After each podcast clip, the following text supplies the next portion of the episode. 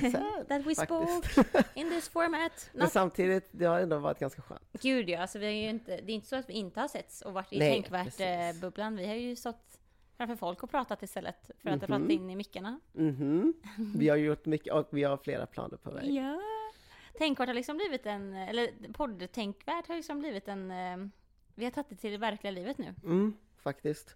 Och det känns ändå bra att ha just de här gästavsnitten för att då får vi ändå in andras alltså perspektiv, Exakt. expertperspektivet liksom. Mm, Eh, och att låta dem få komma till tals. Eh, för det har ändå känts lite weird typ att eh, ta de här frågorna som vi inte riktigt har, Nej, ehm, ja men vad ska man säga, inte tolkningsföreträde för Nej, det första, exakt. men inte kunskap Nej. heller, utan det var ett mer, här är vi tillsammans med följarna eller lyssnarna och undersöker den här frågan tillsammans. precis. Vilket är bra. Det är skitbra. Men Men, man kan ju inte hålla det så länge liksom. Alltså, det Exakt. finns en viss gräns. jag tror också att det, jag tror att det är en insikt vi har kommit till under tiden när vi började podda liksom för två år sedan. Att vi bara okej, nu ska vi bara prata om, om det som händer ute i världen. Och så bara inser man, gud vad man inte kan allting om allt som händer i världen. Mm, Då är det bättre mm. att fråga de personer som faktiskt vet. Exakt. Så dagen i ära, 'cause it's International Women's Day. Yay! Ally. Jag är en alla. Ja, ally. This is Nej, men- Valentina, talk ally. Precis, och det här avsnittet släpps ju på internationella kvinnodagen. Yes. Eh, och vi har ju pratat lite blandat Mm. eh, när det varit de här dagarna. Allt från ja, men typ historien om kvinnors eh, Mm. ja, men rättigheter Mm. Till eh, ja, men typ eh, vardagssexism. Jag kan inte ens prata det. Till vardagssexism. Ja. Eh, till men dina upplevelser som Mm. kvinna till exempel. Men också som icke-vit kvinna. Mm. Och nu tänkte vi gå ännu djupare Mm. och prata om sexualitetsfrågor Exakt. kopplat till rasism. Någonting som vi inte själv kan så mycket om. Nej, alltså vi doppade tårna i det här samtalsämnet för typ ett och ett halvt år sedan när vi hade en diskussion på en app som då hette Clubhouse, det är den Mm. fortfarande. Där vi pratade med eh, en tjej som heter Annie. Mhm. Eh, och vi snuddade det här ämnet lite i det samtalet. Men jag Mm. minns när vi snuddade så var jag så Oh my god, I Det här need måste vi to prata know mer om." more. Och alla måste veta om det här. Ehm, Och det är vi säkert- känner, ja. ja precis, och nu när vi ska bjuda in gäster så känner vi bara, men Annie, Annie Boröjan, hon är ju då, hon har ändå pratat mycket om, eh, men, om just sexualitetsfrågor kopplat till rasism. Exakt. Den intersektionen där liksom. Exakt. Och Annie hon är ju eh, socionom eh, och hon är kurator på en ungdomsmottagning och varit Mm. väldigt aktiv inom RFSU. Och just med frågor om antirasism och antirasistiskt arbete inom organisationen. Mm. Så att eh, nu, och det är ju kvinnodagen i all ära så att vi ska prata om de här frågorna. Dels utifrån liksom kvinnors rättigheter men också lite bara generellt. Så att det Mm. här är liksom, det korsar lite avsnittet. Ja det är inom kvinnodagen men vi går också in på lite bredare frågor. Mm. Och I gotta say, jag är lite nervös. Jag är lite nervös Yes. när det kommer till de här frågorna som jag vet att vi kommer prata om. Det kommer handla om sex, det kommer handla om Mm. porr, det kommer handla om dating. Jag är lite så, hmm, så att... Eh, Men det kanske, ja jag vet inte, det är väl vår uppväxt och sånt tänker jag också, att det Exakt. kanske inte är någonting som vi pratar så mycket om. Eller om jag tänker typ med mina syskon och familj och sådär, det har verkligen varit en tystnadskultur. mm, Alltså vi pratar aldrig om de här frågorna för Nej. att det är så känsligt. Mm. Jag vet inte varför, men det, Nej.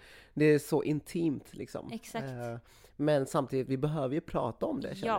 jag. Just för att, eller jag ser bara nytta med att prata om det mm, eh, själv, för att man ska kunna ja, reflektera lite själv exakt. om vad man föredrar och sådär, men också liksom om med det här liksom feministiska glasögonen Mm. och se vilka problem det finns i samhället även inom de här Ja, kretsarna, liksom. exakt. Och också inom just eh, alltså, s- s- frågor om sexualitet, någonting som berör nästan allas vardag. mm, Så att, ehm, och vi är ju här för att ta de här eh, obekväma samtalen och frågorna. Det kanske inte är så här, nu, nu spelar jag, nu bara så här projicerar jag min nervositet på alla som lyssnar. Det här kom, men eh, vi vill ändå ta det här samtalet för att vi, eh, det ska bli skitintressant. ja. Jag, ty- jag tycker vi ringer henne. Vi kör, det hör jag, börjar babbla redan nu.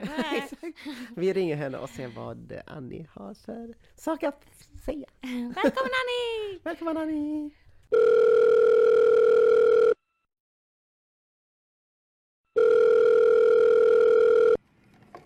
Vi har Annie i luren. Ja, kul Hej, vara här Annie. tänkte jag säga, även fast jag inte är med fysiskt men ser mig själv. Men det här är den nya eh, träffen, eller vad man ska säga, liksom, Exakt. post eh, corona. exakt. Så eh, du kan väl berätta lite kort om vem du är? Vem är Annie? Ja, alltså jag tycker det är alltid lite svårt att vara så här, vem är jag och berätta om mig själv. Men om jag ska försöka hålla mig kort. Ehm, Jag är, ja, jag är Annie. Jag eh, kommer från Uppsala. eh, Pluggade i Örebro eh, och bor just nu i Stockholm. Ehm, Jag är socionom eh, och jobbar just nu som kurator på en ungdomsmottagning här i Stockholm. Och jag har framförallt varit aktiv i RFSU i många år. Eh, Mm. och haft ett stort intresse för frågor som handlar om sexualitet och sexuell och reproduktiv hälsa. Mm. Eh, och även där jag på, mer ordentligt började mitt liksom antirasistiska arbete inom RFSU. Eh, Mm. Men har ju innan dess varit väldigt engagerad i de frågorna. Eh, vad mer? Eh, vill ni ha något personligt? Jag vet inte. Ja men gärna, berätta. Du är ju också, jag är ju, jag, jag är ju fan av dig med på Instagram. Du är ju, eh, du är ju en konstnär skulle jag vilja säga. Så Konstnär? Ja, du är ju med ditt dansande Ja. och med din pole och allting. För mig är du en artist i den Åh, månaden. Gud vad snällt sagt att se mig som en konstnär. Åh vad fint. Ja, jo, men jag, älskar, jag älskar ju konst också i alla dess former men kör ju själv pole dance och eh, sådär, dansat sedan jag var liten. Alltså pole dance är ashäftigt. Ja, det krävs alltså- så mycket styrka. Alltså det är helt Ja. sjukt. Jo, Det- och att man ska kunna uthärda en del smärta också men ja, Ja. det får man ju. Kul. Danne, vi kanske ska, Danne du är inne i din Alltså jag är träningsresa nu. så ovig. Vi kanske ska gå, du och jag. Jag försöker faktiskt göra sån eh, human flag, du vet när man hoppar. Ja, Det känns som en sån grej som poledancare kan göra väldigt Ja, enkelt. det. så. Så det, det är mitt första mål tänker jag. Och sen kan, Det är ett högt första mål, måste jag säga. sen kan vi köra ett eh, pass eh, poledance någon gång. Absolut. Jag är på. absolut. Kul! Men vet du det, eh, Annie, vi har ju pratat, för nu känns det också som att det var år sedan, men vi pratade en gång på Clubhouse när det hade sin, den appen när man hade röstsamtal under Corona, den pikade ju i Sverige. Mm. Och då pratade vi om hedersförtryck och um, vad liksom eh, hur hedersvåld kan se ut. Eh, och jag minns att när vi pratade då så kom vi jättelite snabbt in på frågor om Alltså sexualitetsfrågor. Och jag minns att i det sam- alltså jag minns väl i det samtalet när vi bara svängde in på de frågorna lite så blev jag så, mina öron växte och mina ögon var så, vad är det här? Vad betyder det här? Mm. Wow, wow, wow. Så vi har bjudit in dig nu för att liksom dyka ner i det. För jag tror, eller jag vet nu ska jag inte prata för alla, men jag kan jag, det här med skärningen mellan liksom rättvisefrågor och sexualitetsfrågor och rasism och sexualitetsfrågor, det är någonting som jag inte har Nej. någon aning om. Och som vi pratade om innan, det är så kul att utvecklas och vi pratar mycket om antirasism. Så det här, jag ser det här som en stund där vi bara ska fråga ut dig om allt. Vi, Och jag tror verkligen att vi är ensamma om just de här frågorna. Alltså man kanske lärt sig specifikt om sexualitetsfrågor och specifikt om rasism, liksom, men inte just den intersektionen mellan Exakt. de två. Så det ska bli jätteintressant. Nej men det är verkligen också som ni säger. Jag själv, varför jag började driva just antirasistiska frågor extra hårt inom RFSU var för att jag alltid känt en avsaknad från den kombinationen mycket. mm, Och vad det beror på är ju också intressant att gräva i varför. Alltså också så här generellt när jag, jag läser ju en kvällskurs i sexualmedicin just nu. Eh, och också Mm. liksom eh, tagit del av liksom olika sammanhang där man pratar om sexualitet, sexologi och sådär. Och jag tycker att det också är väldigt vita rum. Eh, Mm. Så att jag tycker det är liksom en stor avsaknad tycker jag både antirasistiska perspektiv men också bara flera erfarenheter där det inte bara är liksom en, en vit majoritet som eh, ska föra liksom, det, det samtalet utan jag, jag Mm. känner en stor själv en, en efterfrågan på liksom, mm. eh, icke-vitas perspektiv i de här frågorna också. Just det. Men jag tänker för någon annan som lyssnar nu då, som är som mig. Om vi bara tar det från början, början. Om man pratar om rasism och, eller rasism inom sexualitetsfrågor, eller rasism och sexualitetsfrågor. Vad är det man pratar om då? Ehm, jag tänker dels att se eh, sexualitet som eh, en del av människors vardag. Så på så sätt, eftersom att rasism är en del av människors vardag så är ju också sexualitet och rasism sammankopplade. För att eh, man, Mm. Vår, män, människors sexualitet, precis som att det har att göra med alla andra delar av vår identitet och vilka vi är och de saker vi gör och då vi, det vi står för och, och så. eh, Och hälsoaspekter och så, så är ju sex också en viktig del av det. Eh, Så att det är klart att det också påverkas av eh, rasism, precis som alla andra delar av, vår- av oss. Eh, Men sen finns det ju också specifika delar inom sexualitet som är direkt kopplade till eh, rasism, kanske rasistiska fördomar, stereotyper när det kommer till sex, våran syn på sex. Eh, eller eh, till exempel saker som eh, förlossningsvården eller vad det nu kan vara som, som har att göra med sexuell och reproduktiv hälsa. Hur rasistiska strukturer påverkar eh, till exempel människors rätt till en god förloss, förlossningsvård till exempel. Så det liksom finns en bredd av olika situationer där jag tänker att de här två fa- sammanfaller. Liksom, där man behöver ha båda kompetenserna och kunna prata om dem. Mm. Just det, och när vi, vi brukar ju prata mycket om rasism och liknande eh, När det kommer till normer, stereotyper och, och så vidare liksom. Och jag tänker, finns det något När vi pratar om sexualitet, vad finns det för normer och skadliga eh, ja, roller eller något liknande som, som du brukar prata om på dina föreläsningar? Är det någonting som du brukar alltid lyfta liksom? Alltså när jag, när jag pratar om normer kopplat till sex och sådär, då är det ju eh, det jag brukar djupdyka mycket i det är ju begrepp som handlar om till exempel exotifiering eller rasistiska stereotyper. Om vi tänker ett begrepp som vithetsnormer, att det finns liksom, vitheten är en norm och det är det som är liksom det eftersträvansvärda eller det som sätter standarden för hur saker ska vara. Eh, Det handlar ju både om utseende men också hur vi lever våra liv och sådär. Så handlar ju, är ju exotifiering något som benämner just när vi tillskriver andra icke-vita grupper som exotiska.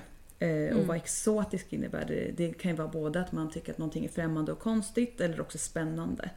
Eh, Men det är någon slags, kan man säga, någon slags objektifiering eller avhumanisering. Att man inte är en fullständig individ utan man är liksom någonting exotiskt, någonting främmande. Eh, Och det syns mycket i liksom våra vardagliga liv, de här normerna, hur man bemöter icke-vita utifrån ett liksom exotifieringsperspektiv. Eh, Jag brukar prata väldigt mycket om vad vi ser i porr. Porr är ett typiskt ställe man kan få syn på typ alla normer Just och så typ s- skruva det till liksom den högsta nivån av extrem. Liksom. Ehm, och, ja, men typ vilka rasistiska stereotyper ser vi inom porren? Eh, vad för typ av berättelser finns inom porren som eh, ska för, förstärka någon slags stereotypisk bild av vissa grupper? Mm. Ehm, så att eh, om vi vill stanna upp där och prata lite om porr till exempel. Eh, Så bara för att djupdyka rakt in i liksom Mm. sexsnack jag. Kör, Eh, kör. Så, så, så är det liksom eh, kategoriseringar utifrån människor och deras etnicitet. Där vita kroppar och vita människor får vara eh, de kan ha stora bröst, små bröst, stora rumpor, små Mm. Rumpor, långt hår, kort hår, tatueringar eller inte och så vidare. Mm. Eh, medan när det kommer till exo, eller så här, mm, etniciteter, då är det ju Mm. väldigt att man är sin etnicitet och inte så mycket mer än det. Eh, porrkategorier som Mm. typ ebony liksom, som handlar om att man är svart då, eller en svart kvinna. Um, eller latino, att de ska vara fiery och, och det, spicy ja. och sådär. Eller asian.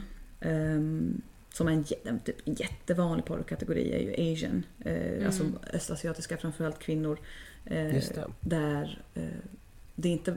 Det är dels att de här personerna då får vara bara sin etnicitet och inte så mycket mer än det i porrkategorierna. Och många gånger också kanske leva upp till en stereotyp av vad eh, man tänker att det innebär att ha sex med en svart person eller en östasiatisk person. Eh, eller en, en eh, per, person från Latinamerika. Ehm, så att det anspelar mycket på de här stereotyperna. Mm. Ehm, och där kan man ju verkligen prata om eh, att det finns varje... Man kan alltid djupdyka i en egen historia kring olika typer av eh, förtryck. Till så här, var kommer de här rasistiska berättelserna ifrån när det kommer till eh, östasiater till exempel? Varför är det en sån stereotypisk bild kring att eh, asi- asiatiska kvinnor ska vara underordnade och så vidare? Mm. Mm. Eh, Men också till exempel att svarta kroppar inom porren ska föreställa djuriska eller primitiva. Mm. Eh, och att det är också en gammal kolonial föreställning som eh, lever kvar i porren.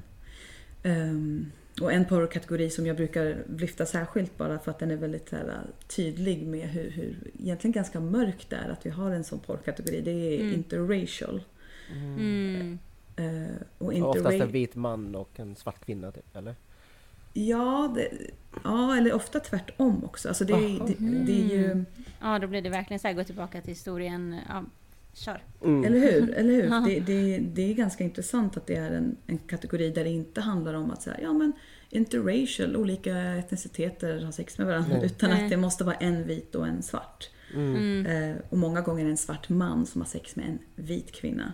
Okej. Mm. Och det är också så här, eh, går vi way back så Ja, handlar det om den här bilden av svarta män som farliga.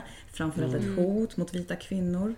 Eh, och inte ens så långt bak i tid utan jag tänker på så här, Emmett Till som var en tonåring i Mm. USA. En svart Mm. tonåring som anklagades för att ha flörtat med en vit kvinna och blev avrättad för det. Utan några som helst belägg. Alltså inte ens att man ska bli avrättad för något sånt. Men det är en fruktansvärd berättelse som Mm. handlar om att man har misstänkliggjort och sett svarta personer som, eller svarta män som ett hot mot vita kvinnor.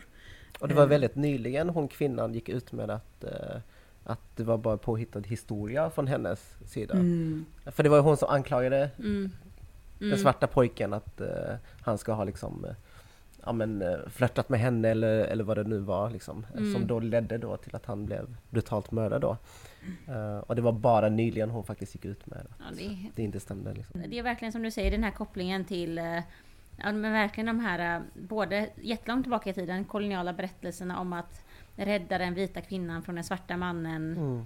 Tills nutiden där det faktiskt fortfarande finns den här eh, vad säger man, demoniseringen av svarta män typ. Men får jag fråga en fråga då? Det här kanske blir väldigt eh, saklig fråga då men den, de typerna av porrkategorierna som är interracial, där det ofta då är svarta män och vita kvinnor.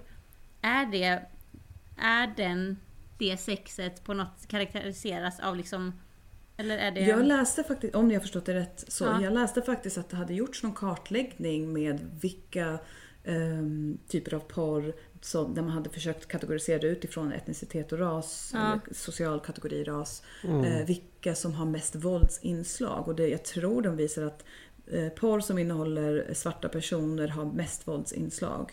Mm. Eh, Ja, precis. Det är så. Mm. Ja. Ja, att det liksom ska just vara det här, äh, att det ska handla om det här farliga svarta mannen ofta. Det är så Mm. sjukt för då är det verkligen exakt baserat på den föreställningen liksom. Som Mm. har varit, eh, som har återuppehållits genom Mm. media och ja. Så att jag tänker att, eh, jag, jag säger ju liksom inte att så här, men gud vad, nu när det här finns inom porren kommer alla gå runt och bete sig rasistiskt. Men mer precis som Nej. att vi Nej. pratar om att vi ska kunna prata med unga eller även varandra om porr och normer som finns inom porr. För att det är Mm. ju en media precis som all annan media. Mm, så måste exakt. vi kunna, precis som att vi pratar om könsroller inom porren, måste vi också kunna prata om rasistiska normer inom porren. Mm. För att kunna ha ett samtal kring det, så att man inte glömmer bort det. För att många, när vi pratar om porr ofta i media och att vi behöver kunna prata med våra unga om porr och sådär. Så pratar man ju ofta kanske mer om eh, maktdynamiken mellan män och kvinnor eller Mm. heterosex och sådär. Men vi Mm. missar många gånger hur porr kan se ut inom hbtqi-världen men framförallt också Precis. hur, hur rasismen ser ut inom porren. Eh, Ja, så det är bra exakt. att ha med sig.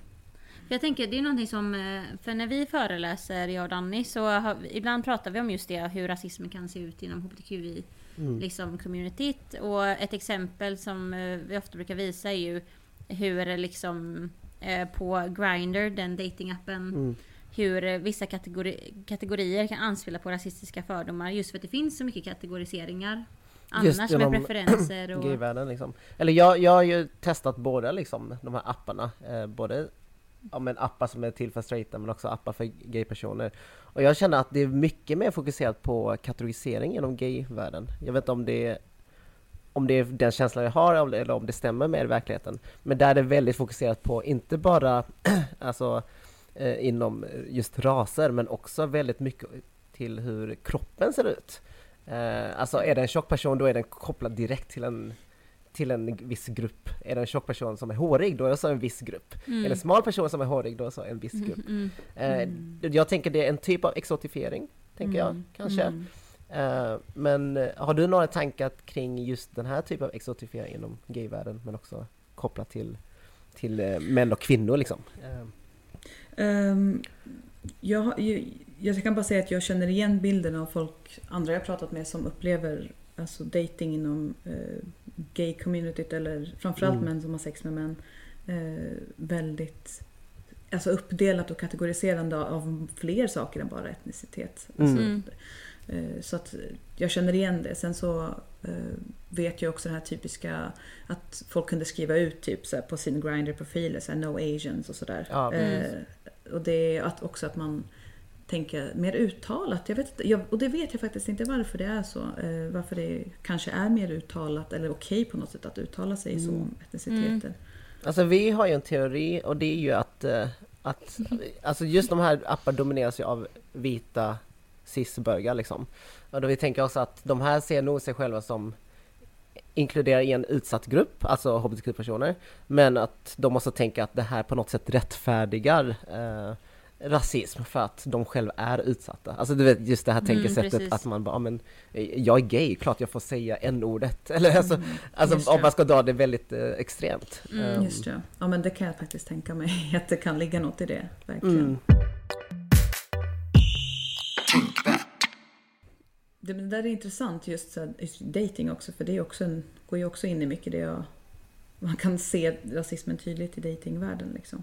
Exakt, för jag tyckte det är så intressant när du sa det här med exotifiering, för det är verkligen någonting, alltså jag upp som, som kvinna eh, och som straight i det svenska datinglivet, det här alltså att bli liksom exotifierad, det är ju ett begrepp som jag inte visste vad det var bara för några år sedan. Liksom, det hade jag, jag hade ingen aning om det, men så fort jag fick förklarat vad det stod för så fick jag sån extremt stor igenkännelsefaktor på, för att det liksom bes- beskriver en känsla som, man upp, som jag i alla fall upplever, har upplevt väldigt mycket när jag har liksom dejtat folk här i Sverige liksom. Och, och det är så sjukt för att det, det, den där exotifieringen faller ju nästan inom det som många typ kallar positiv rasism då. Just. Att, men, som att liksom, de här, det är ju bara liksom, komplimanger man får.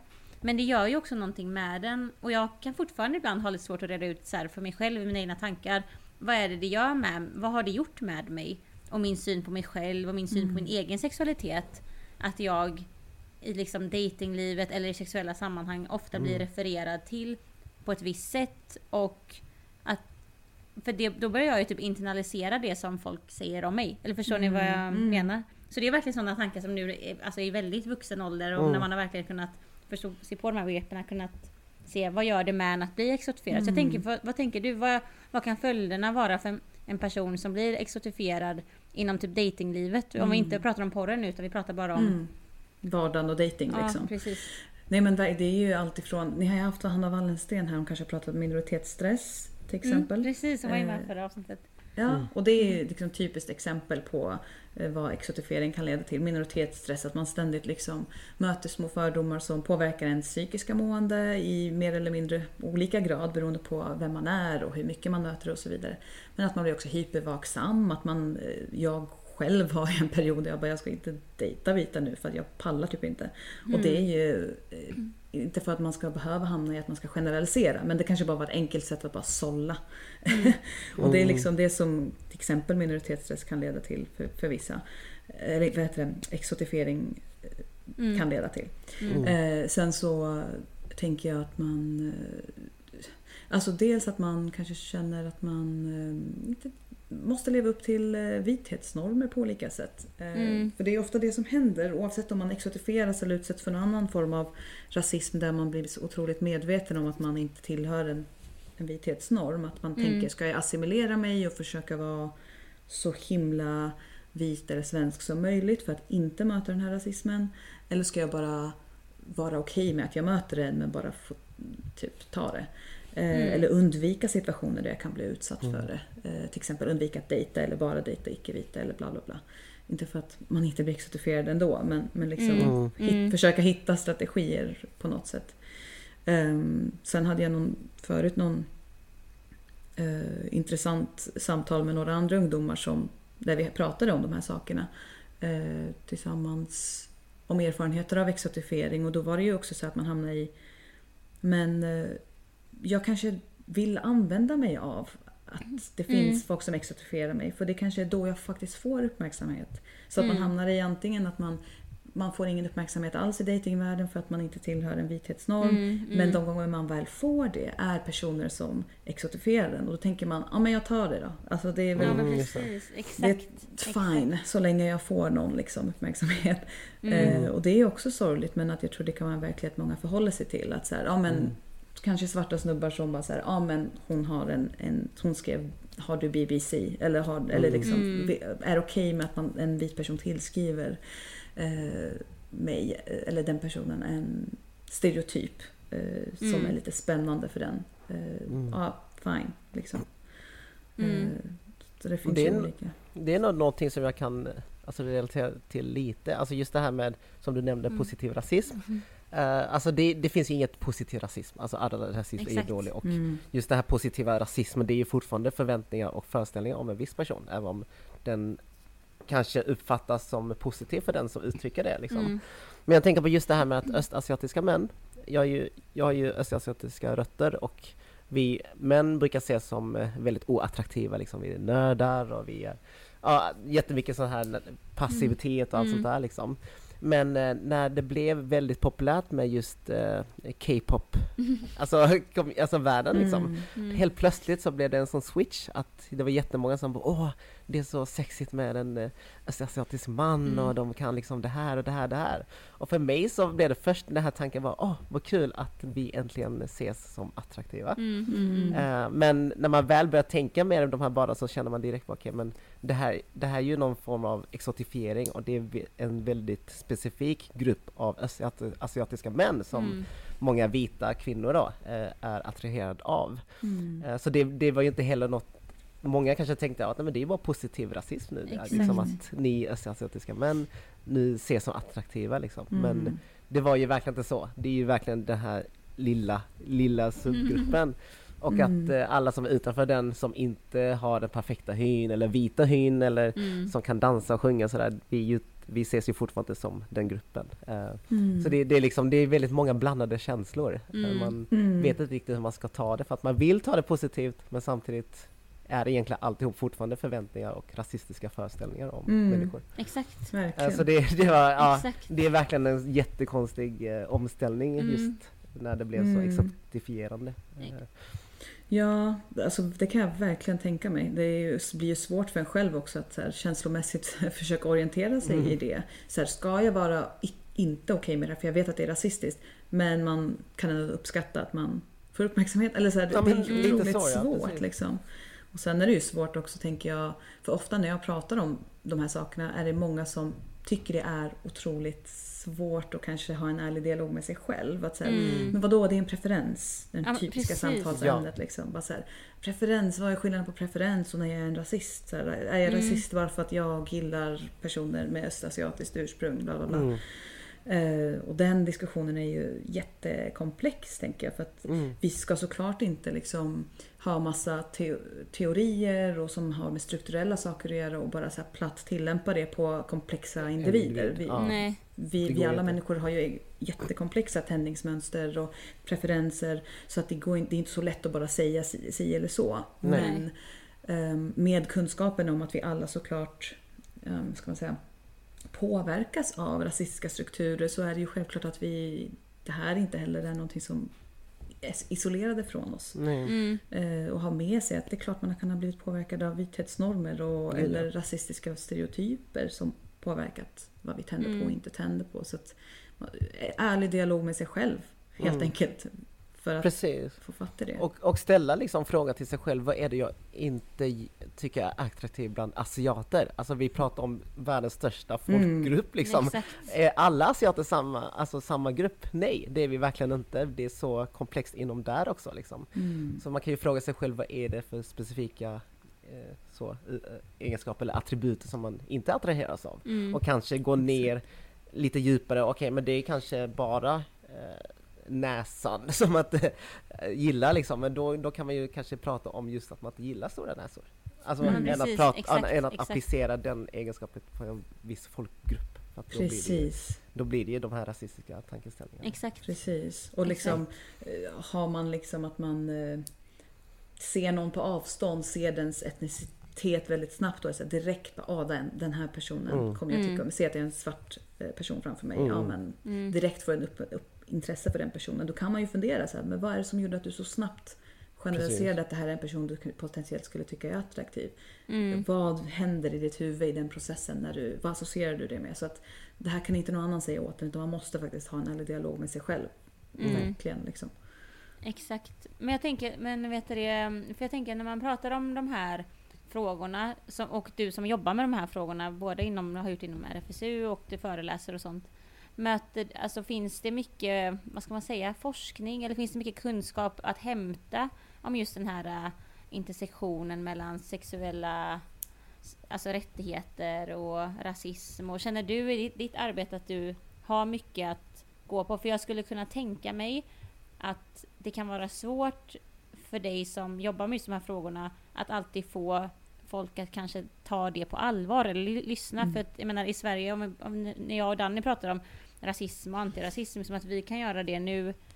Det är ju för att det har varit, ett, det har ju varit en tystnadskultur så extremt länge om de här frågorna i Sverige och fortfarande är. Och det känns som att vi är ett klimat där vi nu kan börja prata liksom öppet om detta. Så jag kan tänka mig att när också, man lägger på lagret av sexuella för, sexualitetsfrågor så kan jag bara tänka mig att det måste vara ännu svårare. Så jag bara undrar, hur går det med ditt arbete i de här frågorna liksom?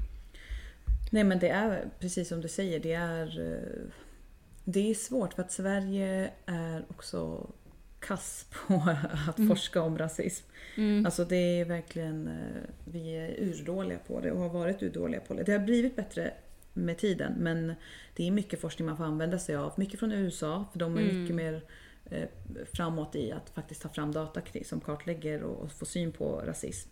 Just det. Mm. Och Sverige har ju så länge levt på någon slags färgblindhet att det inte finns här och inte ens Nej. kan yttra ordet rasism överhuvudtaget utan att bli typ jätteängsliga.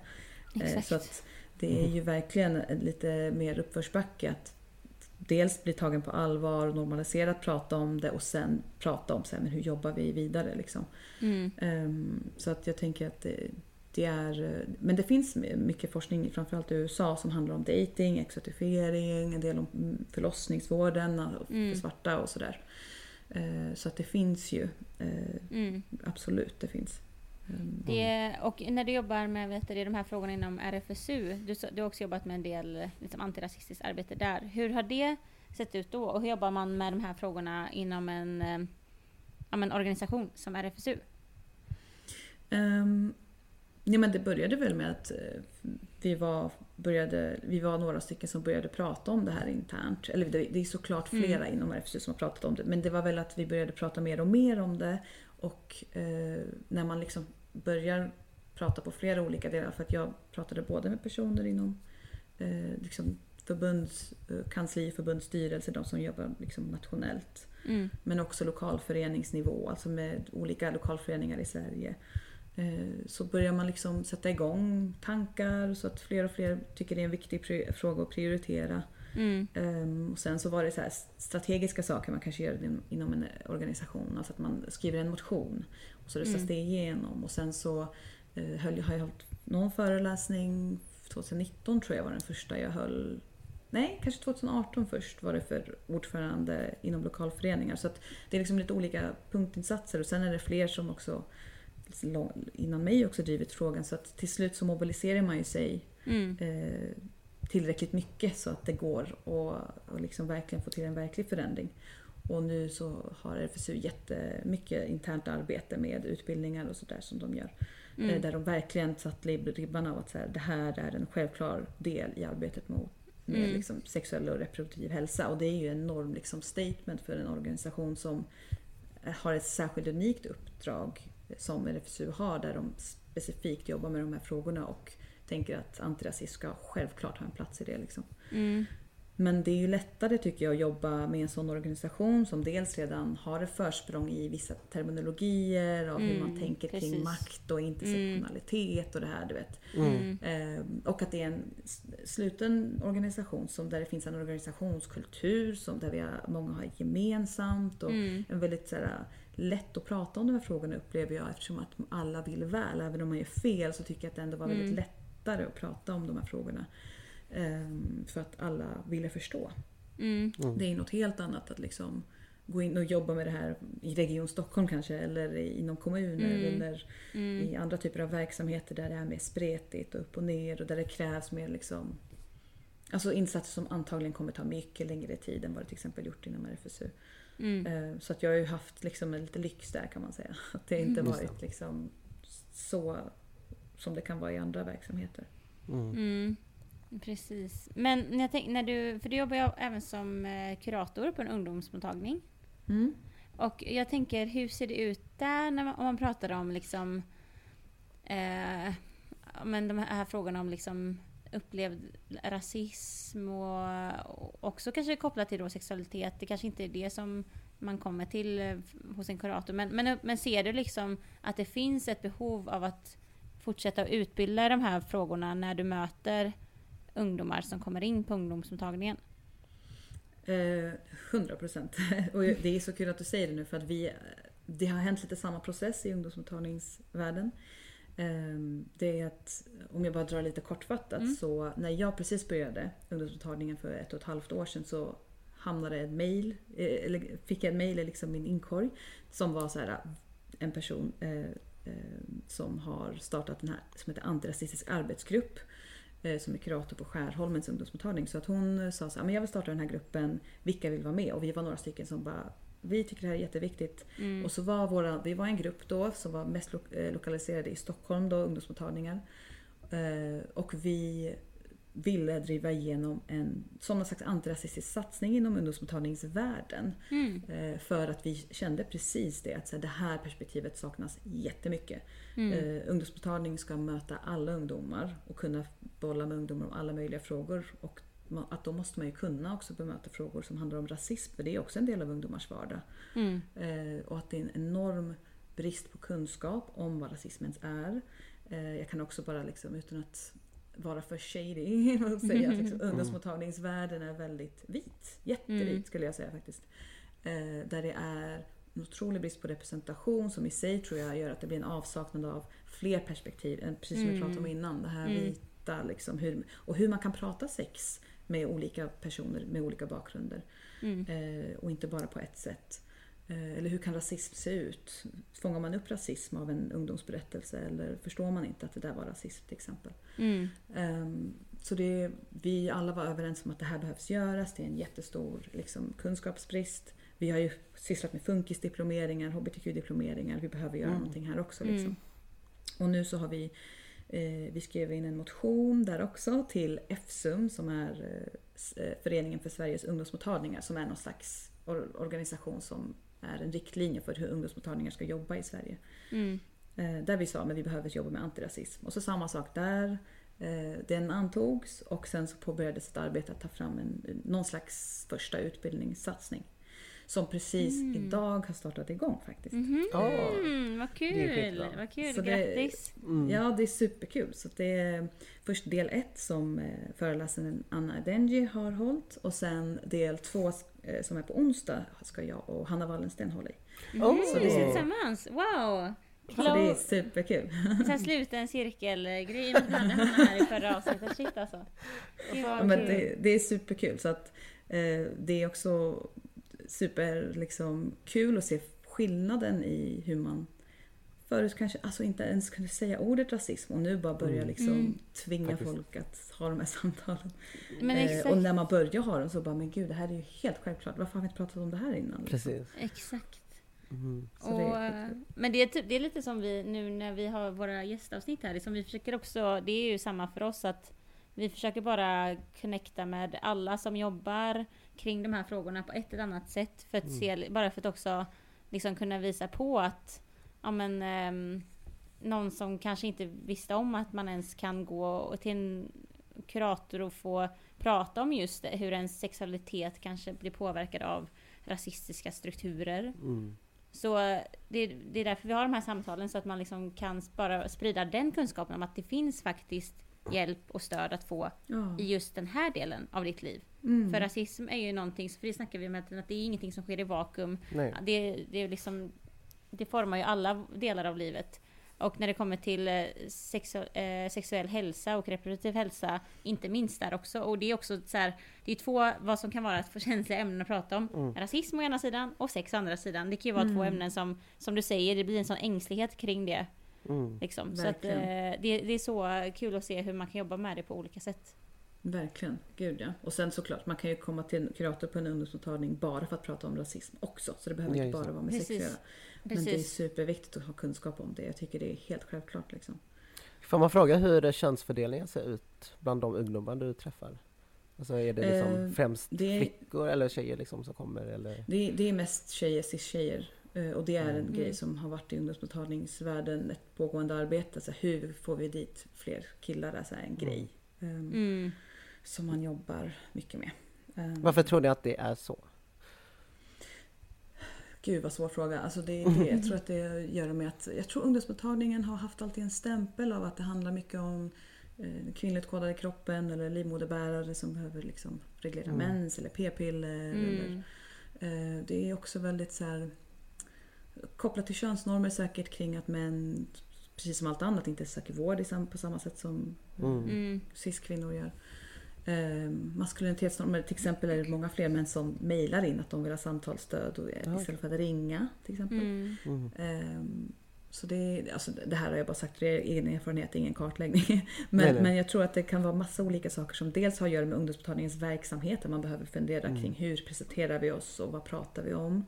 Mm. Eh, Men också såklart lite med ma- maskulinitetsnormer att göra säkert. Att, Mm. ehm, och framförallt också så här, om vi tar in intersektionalitet här, så här men rasif- eller så här, icke-vita killar som Mm. utifrån att de också utsätts för rasism så tar ju Mm. maskulinitetsnormerna kanske ännu mer uttryck för dem. Mm. Eh, som också, eh, speciellt kanske ungdomar eller unga killar i förorterna, de är ju verkligen så här, når vi inte alls och det är ju ett enormt Mm. problem.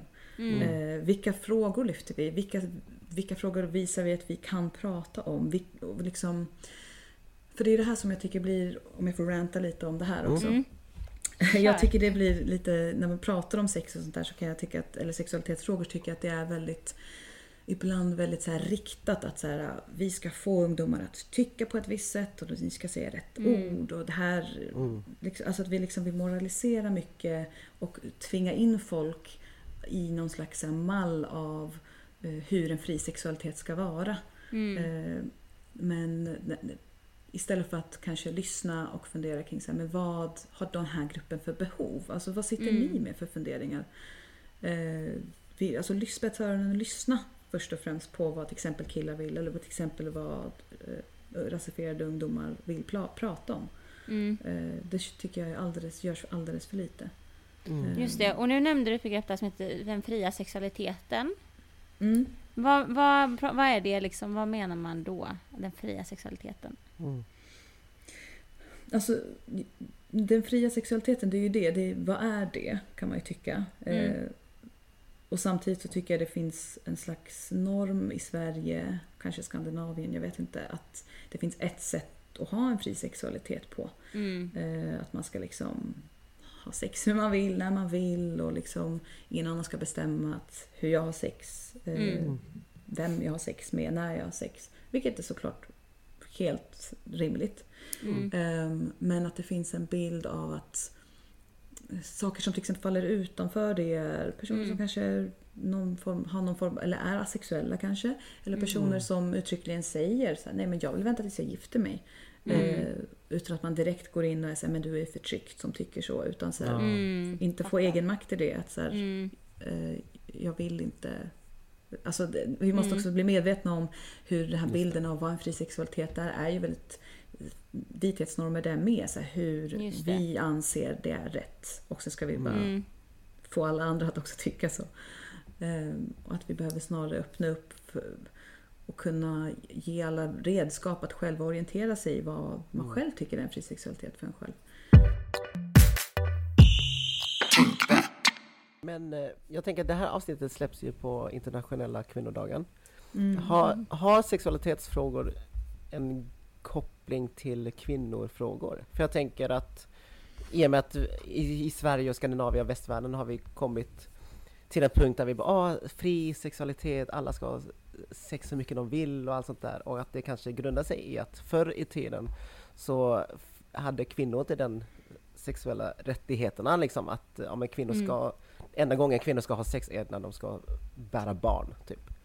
Medan männen Mm. har kanske de här, ja men män får ha sex så mycket de vill, Mm. de gör det för njutning, har de sex med många så är det liksom, det är coolt och det är status.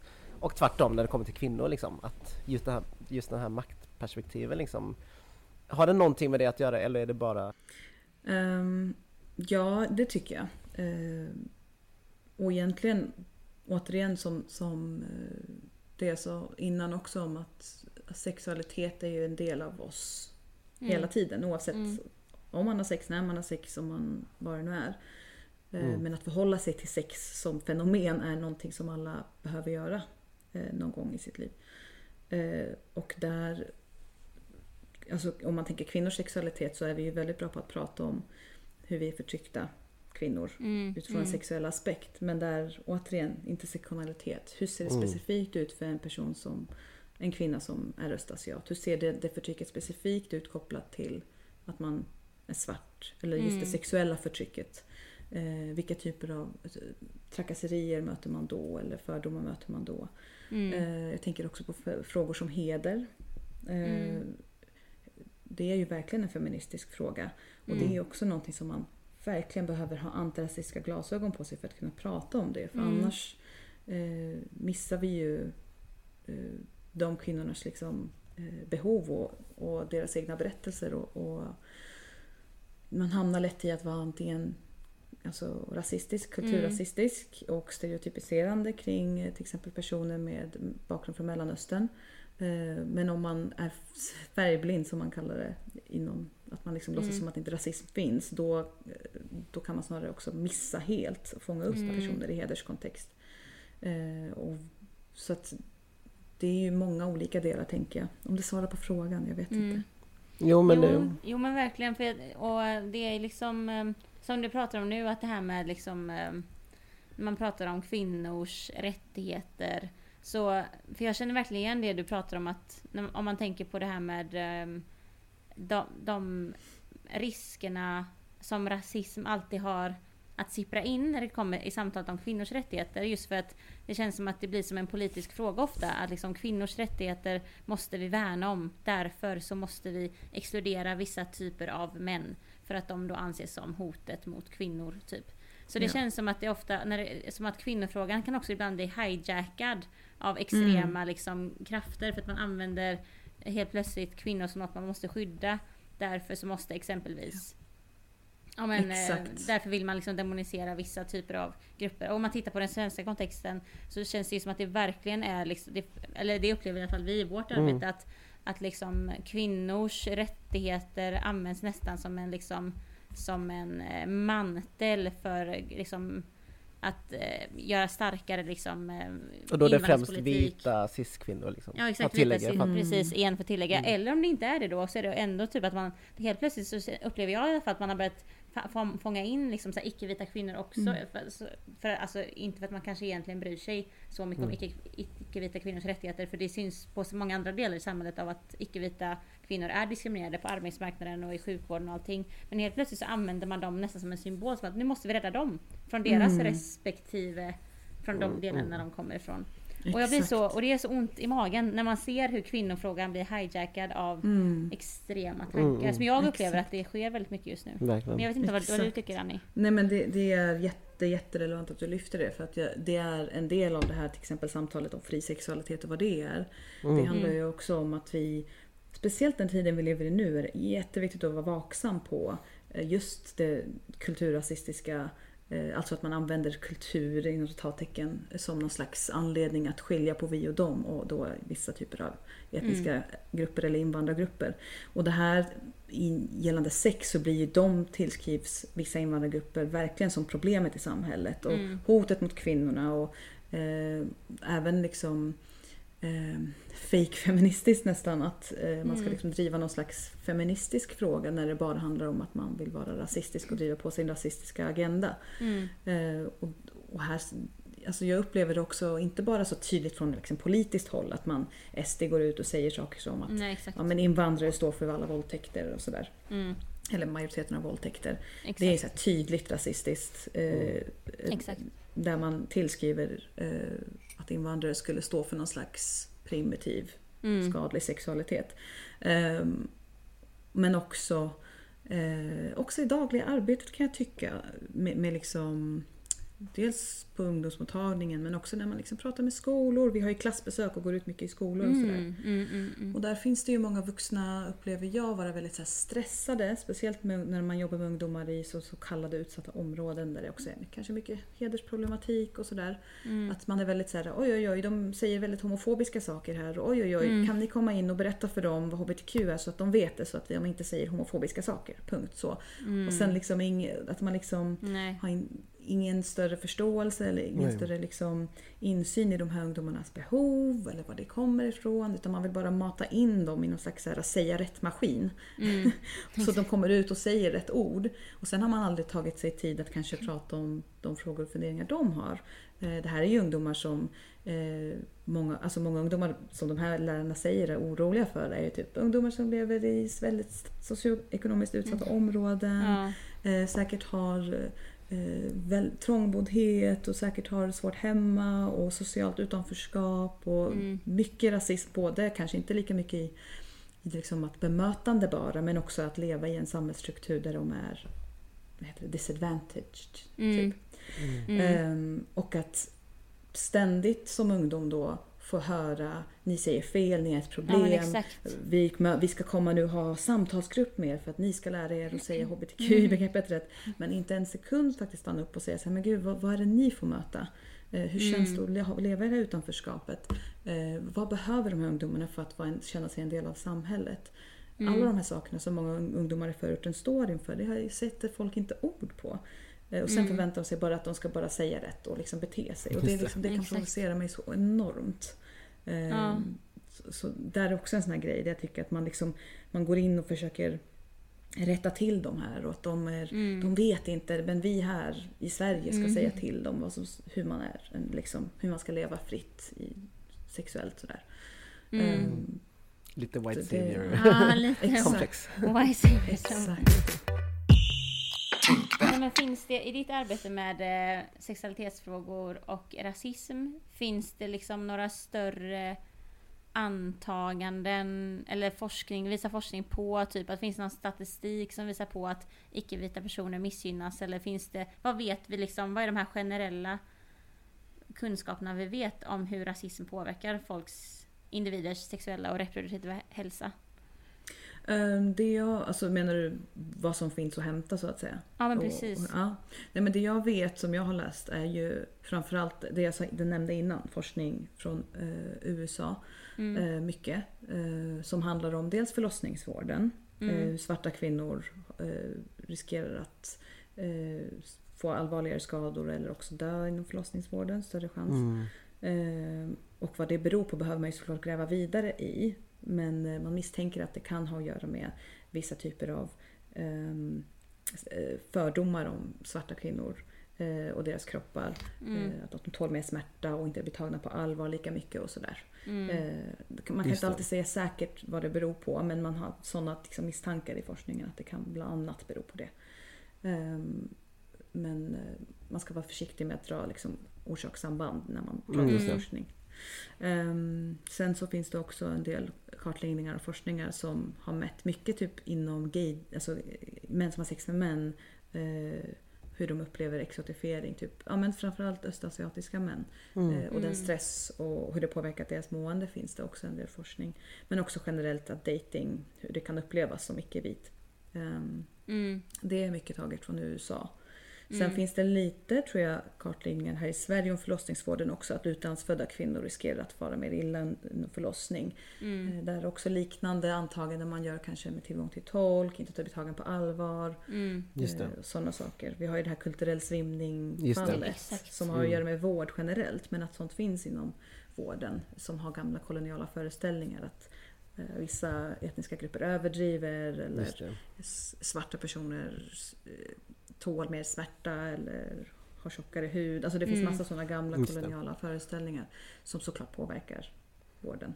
Mm. Ehm, så lite sånt eh, finns. Ehm, och sen behövs det ju göras mer forskning. Ehm, Mm. det, det, jag kommer ihåg att det jag, jag hade en föreläsning med Marco då, förut eh, i november. Och inför den som skulle handla om just exotifiering och porr. Och vi bara, vad ska vi, vad ska vi porrsurfa då? Så gick vi hem Mm. och sen på varsitt håll satt vi bara, men vi porrsurfar ikväll. Mm. Så satt vi och fick vi gå in och porrsurfa helt enkelt. Och ha det liksom som någon slags eh, underlag för föreläsningen dagen efter. Mm. Eh, bara för att så här, tydliggöra att det här är såklart inte forskningsbelägg. Men bara här, utifrån lite egna erfarenheter vad man kan se när man tittar på porr och sådär. Just det. Eh, så man får ta till egna metoder ibland också. Men Var det inte är ganska super- nyligen som eh, s- det var någon rapport som visade vad folk, eh, svenska folket eh, porrsurfade mest inom? Alltså vilka kategorier? Ah. Jag tror Jo, topp fem var liksom typ japanska kvinnor och sen var det typ Ja, det var det. So- Eh, Det var Pornhubs eh, år- Just det, årliga så var review det. som jag brukar kika på faktiskt. Eh, Den är ju också ganska mycket mäter i USA men tittade på Sverige också. Ja, Och men, men eh, asiatiskt är ganska populärt i, Mm. i många länder. Men det var ja, japanskt tror jag var ganska Shit, populärt alltså. i ja japansk och lesbisk kanske. Sen var det någonting annat också. Och BBC var också populärt. Ja, just det. Cock. Mm. Det är bara, det är så frustrerande att se att liksom de största kategorierna är också människor som utsätts för rasism i Sverige. Det är provocerande på ett sätt. Ja men också liksom sexism och eh, Ja. ho- homofobi då om man pratar om just det här att man exotifierar lesbiska kvinnor så mycket men samtidigt om man kollar i samhället i helhet så diskriminerar man Exakt. precis samma grupp liksom. Mm. Att det, det är samma sak med Ja. när det kommer till ja, med svarta män liksom i Verkligen. porren. Och att, Verkligen. att man gör liksom att man kanske till och med ser det som något positivt då inom de här kategorierna. Bara, men se, de är inte diskriminerade. Här har vi dem i topplistan på vad folk faktiskt föredrar. Typ. Exakt. Eh, eller man bara liksom drar kopplingen till, ja men vadå, ser det inte hur alla eh, svenska män vill ha en thai-kvinna liksom? Och, Exakt. ja, jag vet alltså, det, det där Ja. också. Ja. Det är så här, att folk säger att det- inte finns rasism i Sverige och sen är det en sån jäkla tydlig så här, svensk Mm. grej att så här, åka till Thailand och Ja. den dokumentären som släpptes väl var det där man exposade många svenska män och hur de pratade Mm. om thailändska kvinnor. Om att så här, ja, men de är underordnade, man är trött på herregud, svenska ja. kvinnor för att de är så feministiska. Feminismen har förstört dem. Så jag vill gå dejta en thailändsk kvinna Mm. för de är traditionella och feminina, underordnade. Alltså det är ju vidrigt och typ ganska så här, inte vanligt, jag vet inte hur vanligt det är, men det är inte liksom något så här som tillhör ovanligheten heller. som avslutning så brukar vi alltid fråga liksom, gäster om deras tips och råd på hur man kan liksom, agera i vardagen till att ja, men, kanske minska de här fördomarna eller att man på något sätt jobbar för ett mer mer rättvist samhälle. Liksom. Men också ett mer rättvist datingliv och en eh, mer rättvis eh, rätt till sexuell hälsa. Alltså hur, hur eh, är man en, en allierad dejtare i Sverige liksom? Um, gud, hur ska man sammanfatta det? Mhm. Jag kan tipsa om, om man vill, prata, om man vill eh, prata om hur man kan dejta antirasistiskt så finns Mm. Ja. Ottar, tidningen Ottar som eh, Mm, RFSU ja. eh, brukar, om man är medlem i RFSU får man den också Mm. eh, Mm. hem i brevlådan. De har i något nummer, nu ska vi se, det var något nummer som hade tema rasism. Eh, där har de Ottars dejtingskola. Wow. Jag tror man kan googla på den. den. Där har de skrivit ganska bra så här, hur man kan Oh, wow, ja, det det ska vi hitta, det ska vi länka till avsnittet Mm. så Ja. man kan kolla in. Det är svinbra tips. Den är jättebra. Ehm, och sen som jag sa innan också, ärlig dialog med sig själv. Inte, för det som är grejen när man pratar det här, det är att många hamnar i så här, men vadå, nej, vadå, jag har råkat dejta bara de här och nu är jag rasist nu. Alltså du vet, folk fastnar i Mm. den så här, är jag en dålig person frågan istället för att så här, Mm. det handlar inte om det här. Det, Nej. Sluta vara så självcentrerad. Nej, men, alltså, det handlar inte riktigt om att så här, du är en god eller dålig person. Utan det Nej. handlar om Nej. så här, Ja, du sig har blivit, ja exakt, rannsaka sig själv, erkänna att det är klart jag har blivit påverkad av de här normerna. Mm. Och sen Mm. vad jag gör med det, hur mycket påverkad det har blivit. Det är det det handlar om snarare. Um, Mm. Vi alla har blivit påverkade av det här. Så att, eh, det handlar inte om att man är en fruktansvärd person om man skulle upptäcka att man har gjort eller agerat rasistiskt. Liksom. Mm. Sen är det så viktigt att benämna också att eh, det finns ju många icke-vita som exklusivt eller som inte dejtar vita till exempel och då handlar det Mm. snarare mer om men, någon typ av överlevnadsstrategi. Eller Mm. att man kanske inte vill, man är liksom är trött på just de här mikroaggressioner som kan ske i ett, eh, Mm. i ett förhållande där ena parten är vit till exempel. Mm. Och det är ju så helt, eh, helt valid att göra, Mm. att faktiskt Mm. inte väl, alltså välja att dejta vita. Exakt. Bara för att, exakt. så att man inte drar den parallellen också att, eh, Nej, ja. nej, nej exakt, exakt. Det är, man behöver ju se situationen för sig liksom Mm, såklart. precis. Och sen också så här, vita som bara dejtar vita. Ja, det, det är inte så att vi ska gå och tvinga dem att så här, ni måste dejta Nej, precis, vita. det Men det. liksom bara fundera kring det. Så, men jag Mm. kanske har påverkats av vithetsnormer som gör att jag har en större tendens. Sen så finns det mer faktorer, psykologiska säkert, som har plats i den här liksom, analysen. Det är Mm. inte bara rasism, det kan ha att göra med tidigare erfarenheter. Eh, fan vet jag, är man lagd åt det freudianska hållet kanske man tänker ja men det är lik min pappa eller mamma. Alltså, så Ja, det finns ju hur många Ja. teorier som helst om det. Men inte glömma bort att ta med också analyser kring hur rasism påverkar oss, för det gör det Just ju. det. Liksom. Mm. Eh, Men också såna klassiska antirasistiska saker. Så här, våga ta kritik. Eh, Mm. Mm. eh, fråga och be om ursäkt när man gör fel och bla bla Mm. bla. Sådana grejer liksom, tänker jag. Men också så här, om man jobbar inom vissa verksamheter, gör frågan aktuell. Normalisera samtalet om rasism som en självklar del av vår vardag. För det är inget Mm. som behöver vara något läskigt eller skrämmande eller konstigt, utan det är en del av samhället. Liksom. Mm. Eh, Så normalisera att prata om det, lyfta det. Det behöver inte finnas rätt svar alltid. Bara Mm. liksom så här, bolla med varandra och så här, kan man tänka här och så. Mm. Ehm, det är väl typ det. Mm. Om vi bara tänker lite om vi tänker framtiden eh, som en kul fråga bara eh, och att vi har uppnått jämlikhet när det kommer till, till se- se- sexualitet och liksom antirasism och sådär. Eh, vad hade du velat jobba med i så fall? Eh, var, var är Annie om 20 år och vi har uppnått jämlikhet? Åh, 20 år. Det är... Bara för hope. Du menar att jag inte behöver gå runt och, och prata om det här längre? Precis. Alltså om vi, om vi tänker så här. Jag hade faktiskt inte, inga samhällsfrågor då. Då hade jag typ bara typ dansat eller något. Ja, vad nice. Då får jag dansa i fred. Nu måste världen bli rättvis och Annie kan få dansa. Låt Ja. Annie dansa. Kom igen! Let her dance. Hashtag låt Annie dansa. Wow. Okej men, gud, okej, men nu ska vi säga den sista frågan. Vi lovar. Nu är det sista frågan. Vi frågar alltid eh, våra gäster eh, vem ni tycker att vi borde ha med i vårt nästa gästavsnitt. Har du någon som besitter någon, någon speciell kompetens eller kunskap som bara vi måste prata med? Ehm, jag skulle säga Poya Ashna som jobbar på Origo. Nu har inte Mm. jag frågat honom och han tänker om att jag säger hans namn här men jag tror att han är fine med det. Ehm, nej men för han eh, har både liksom jättebra kunskap om antirasism, grym kunskap och, eh, från Origo som då är eh, Centrum för hedersrelaterat våld och förtryck där man både tar fram kunskap men också har samtal med ungdomar i hederskontext. Eh, så att utifrån det vi pratade om lite på Clubhouse tänker jag liksom djupdykning i det med hans kompetens. Eh, ja, supergrymt. Mm. Skitbra tips. Mm, verkligen. Gud. Alltså Annie, tack så jättemycket för att du har eh, vet det, spenderat denna timma med oss. Mm. Tack Ja. själva. Och låter oss ställa alla eh, outvecklade frågor som du märker som vi har. Det kommer en tanke och sen så bara försvinner den ut i universum. Det, var jättebra ju. Eh, så hörs vi och ses snart igen. Mm. Det gör vi. Ja. Okej. Tack så mycket. Tack så mycket. Tack. Hej då. Oh my god.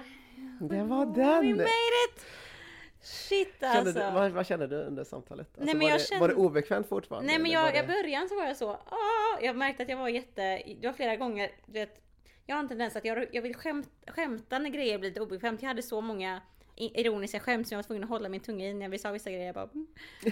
Vadå, ville du säga skämt? eller Ja men du vet så här, när jag blir lite obekväm så drar jag ironiska Aha, skämt ah, typ. ah. Ja, jag bara kände jag var tvungen att bara hålla mitt seriösa jag i mod. Men jag tyckte att det var så lärorikt och det här var som att vi bara snuddade på ytan Ja, av just så här intersektionen mellan rasism, sexuell och reproduktiv hälsa, hur det kan spela in i vardagen, vad det kan göra med våra tankar, hur det kan återuppehålla vissa normer, Mm. hur det faktiskt ser ut i typ så här förlossningsvården.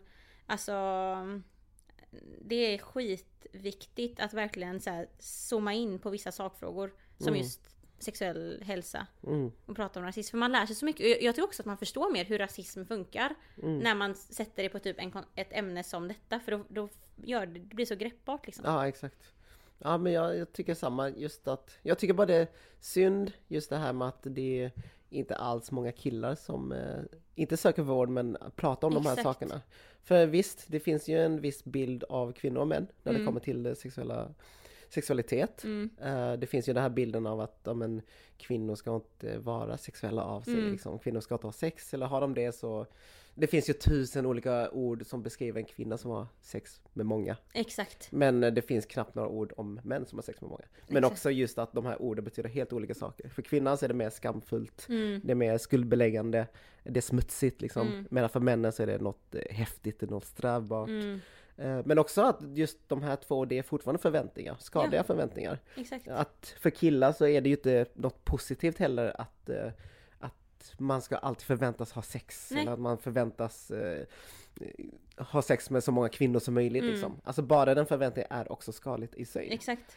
Så det, är- det är synd bara att det inte finns liksom det finns så säkert, jag kanske bara icke insatt liksom, men att det, att det kämpar så mycket för just killars, eh, vad ska man säga, eh, att få killar prata mer om de här sakerna. Mm. Eh, jag tycker bara det är synd. Ja men jag håller med och jag tycker verkligen det som Annie lyfte liksom lite om att det här med att det finns en viss liksom Det finns en väldigt stor angelägenhet om att prata om den fria sexualiteten som Mm. något som man nästan tvingar på folk ibland som att ja men eh, liksom man har sex så mycket man, alltså att det finns en viss, alltså att den fria sexualiteten den är faktiskt inte helt neutral utan Mm. den är inte öppen för att vara kanske exakt vad man vill utan den är ändå kopplad till att vara en viss typ av sexualitet. Mm. Och att när man gör det så exkluderar det ju andra typer av hur man alltså, Mm. har sitt sexliv eller vad ska man säga, sin sexuella och reproduktiva hälsa och allt det här. Mm. Så att vithetsnormen kan ju också spela in där. Mm. Att det finns en viss här, ja men så som vi ser på sexualitet i västvärlden, det är det normala, allt annat är fel, det måste vi Mm. fixa. Typ. Ja, exakt. Eh, så det var jätteintressant att höra hur även vithetsnormen spelar in där. Gud ja. Alltså, bless Annie. Gud, ja jättebra och eh, nej, jag tänker att eh, vi får tagga inför nästa gästavsnitt Mm. och få lära oss ännu mer. Ja, För det var ett så lärorikt med alla de här gästavsnitten. Verkligen. Och vi får väl fortsätta med det. Och ni som lyssnar, om ni har tips på någon som ni bara, "Ja, men den här personen hade vi jättegärna velat höra er prata med Exakt. om eller, eller med liksom. Så är det bara att höra av er. Please do. Please do, så hörs vi igen. Det gör vi. Yes. Bye Ha det bye. bra!